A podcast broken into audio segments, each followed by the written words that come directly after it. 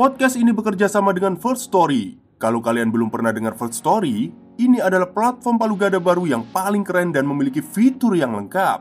Dan yang paling menarik, podcastmu bisa dimonetasi loh. Tunggu apa lagi? Yuk buruan, gapai potensi maksimal podcastmu dengan tools dari platform hosting terbaik untuk para podcaster. Daftarkan sekarang di firststory.me. Dijamin gratis.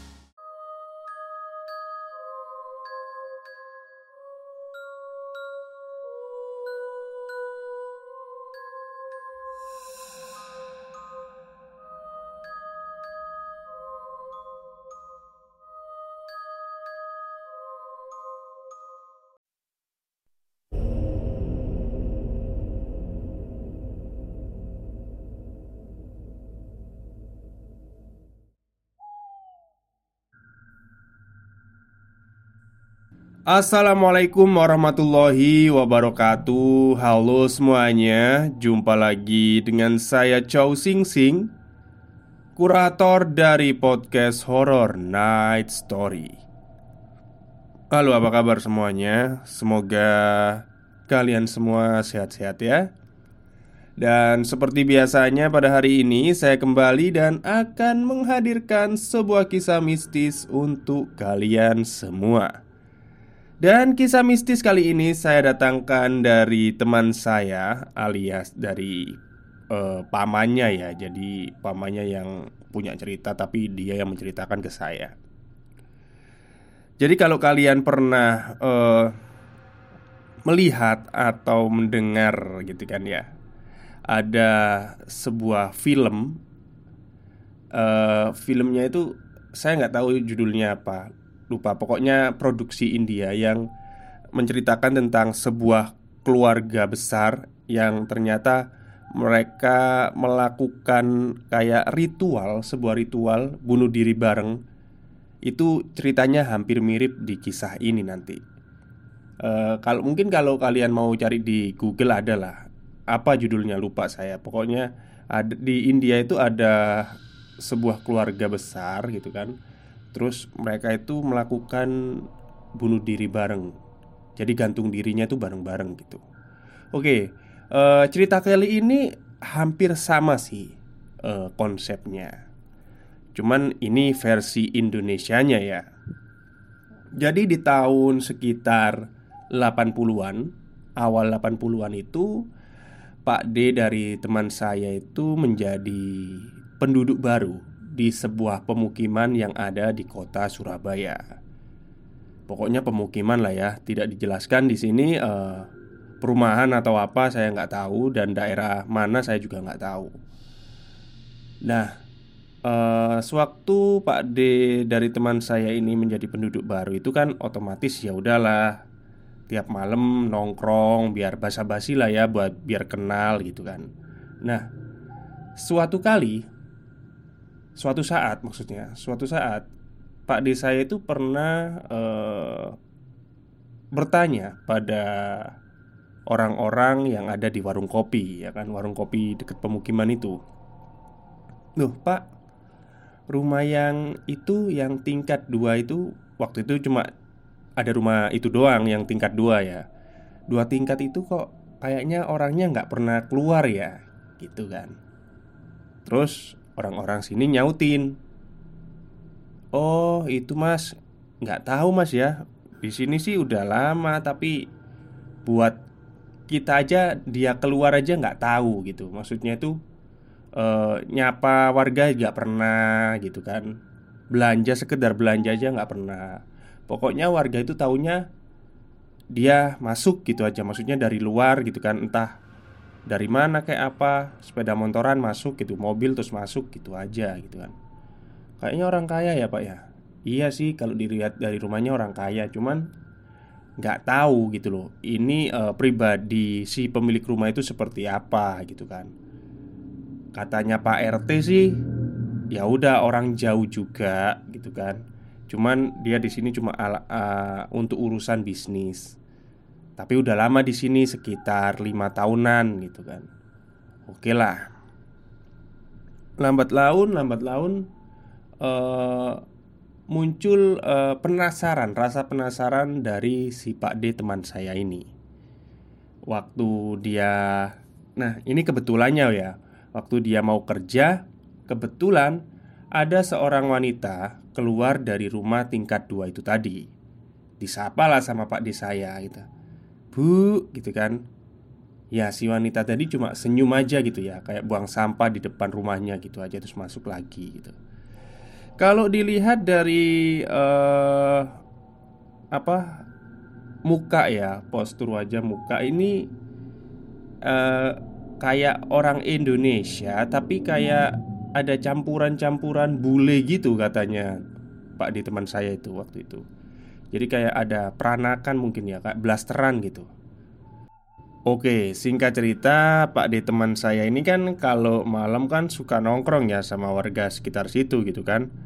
Uh, Di warung kopi dekat situ. Dan kebetulan warung kopi itu uh, agak dekat sama rumah tingkat dua itu. Waktu itu waktu ngopi terus ngobrol sama warga situ Pak D teman saya ini ngelihat terus ke arah rumah tingkat dua itu gitu kan. Terus ditegur sama temennya Ngapain pak? Lihat situ terus Kesurupan nanti gitu kan. Enggak pak. Itu loh Itu rumah kok yang di atas Lantai atas itu lampunya kok kedap-kedip Gitu kan. Ah mungkin lampunya rusak mas. Ya biarin toh Itu kan urusannya yang punya rumah. Iya sih pak.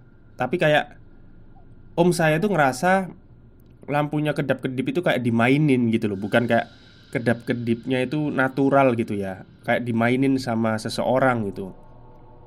Oke lah karena omongan dari temennya Ngapain sih diurus? gitu kan Dibiarin aja gitu kan. Ya udah. Nah setelah sekian lama Sekitar uh, Udah sekitar dua bulan ya Pak D dari teman saya itu bermukim di situ Muncul Tiba-tiba muncul cerita kayak rumor lah ya, isu gitu. Kalau ternyata si pemilik rumah tingkat dua ini punya kayak apa ya? ilmu hitam gitu kayak dia itu praktek ilmu hitam lah di rumah itu.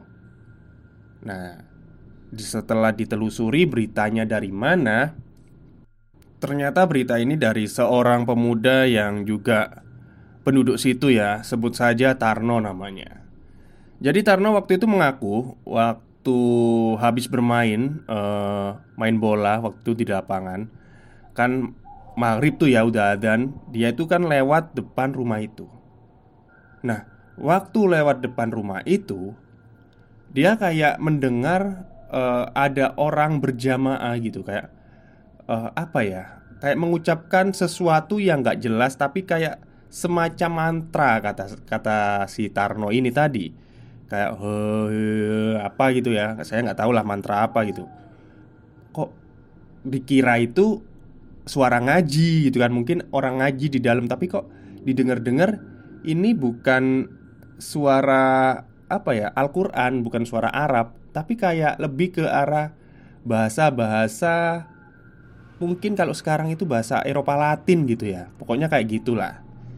Nah dari situ dia ngomong ke bapaknya Ah masa sih? Nah, Akhirnya si sama si bapak Diomongin ke tongkrongannya gitu kan. Terus akhirnya kan didiemin toh sama Pak RT Ah kan belum tahu kebenarannya seperti apa Jangan main hakim sendirilah. Biarin aja mungkin Waktu itu dia nyalain radio atau apa yang siarannya itu siaran luar gitu kan. Oke lah dibiarin aja. Seminggu setelah isu itu beredar Seminggu setelah isu itu beredar Ada anjing milik Ya udahlah milik dari salah satu penduduk ya Itu kalau lewat itu sering menggonggong ke rumah itu Dan kayak pengen masuk aja gitu kan. Akhirnya karena warga itu penasaran ya Ini kan suara hewan gitu kan ya Didengerin lah. Kayaknya si anjing ini setiap hari, setiap kali lewat sini kok selalu menggonggong dan pingin masuk aja ke dalam rumah. Ya sebut saja yang punya anjing ini Anulah siapa ya namanya ya? Ya katakanlah Pak Kisno lah ya Dia ter, uh, dia waktu itu memang Cina gitu kan. Pak Kisno ini penasaran Kok anjing saya ini setiap lewat depan rumah ini selalu menggonggong dan pingin masuk gitu kan. Karena penasaran dan memang ber, uh, selama seminggu lebih ini si pemilik rumah nggak kelihatan sama sekali. Akhirnya Pak RT beserta orang-orang itu datang gitu kan didok-dok Pak, Bu, Pak, Bu gitu kan. Nggak ada jawaban. Dibuka pintunya Sret, dibuka paksa. Uh, bisa. Akhirnya waktu masuk ke dalam uh, tamannya gitu kan Ada taman kecil lah di rumah itu. Mereka mencium ya pasti kita tahu lah ya kelanjutannya ke mana. Benar sekali mencium bau bangkai Dan jelas sekali kalau dalam cerita ini pasti bangkai manusia ya Bukan bangkai binatang Setelah dibuka pintunya Der Ternyata Lima anggota keluarga itu tewas Dengan cara menyayat urat nadinya sendiri. Jadi, orang lima ini duduk di depan televisi yang masih menyala, duduk di sofa gitu, terus jejer-jejer, terus nadinya itu udah diputus semua itu. Jadi masih ada pisau silet di situ. Dan yang lebih mengejutkan lagi, di depan mereka itu ada nampan besar Terus banyak bangkai tikus di nampan itu tadi Mungkin ada puluhan atau belasan lah Kalau menurut ceritanya ya Kaget lah orang-orang Ya udahlah. Saya nggak tahu ya apa Mereka ini penyembah tikus atau apa Saya nggak tahu juga. Akhirnya kata Pak di teman saya ini Waktu itu Memang Apa ya Situasinya chaos banget gitu. Dan media itu nggak seperti sekarang ya dulu itu ya. Media itu nggak se apa ya secepat sekarang lah dulu itu waktu itu memang tidak ada yang meliput sama sekali. Nah ini kan yang jadi perdebatan ya. Maksudnya itu kayak gini. Mungkin dari kalian itu ada yang percaya atau enggak gitu ya. Jadi kayak mungkin nanti ada pertanyaan ah masa sih ceritanya beneran? gitu kan. Dikiranya Mas Jo ini mengada-ada atau apa ya. Tapi kan saya kan berdasarkan cerita yang ada gitu kan Dan memang waktu itu tidak ada sama sekali media yang meliput tentang berita itu ya Setelah kejadian itu uh, dua minggu Eh bulan bukan ya Satu bulan lah kalau nggak salah Satu bulan setelah Pak D dari teman saya di situ dia itu mendapatkan surat dari kantornya buat dimutasi lagi di daerah Kediri. Jadi dia nggak tahu e, nasib rumah itu sekarang seperti apa. Yang jelas e, waktu ngurusin ya udahlah mayat dari keluarga itu tadi semuanya diurusin terus rumah ini tadi kayak diserahin ke polisi. Maksudnya itu buat diurus gitu ya. Gimana nasib rumahnya nggak tahu. Pokoknya rumah itu waktu itu cuma disegel gitu kan. Ada banyak teori yang mengatakan bahwa Ini pure bunuh diri.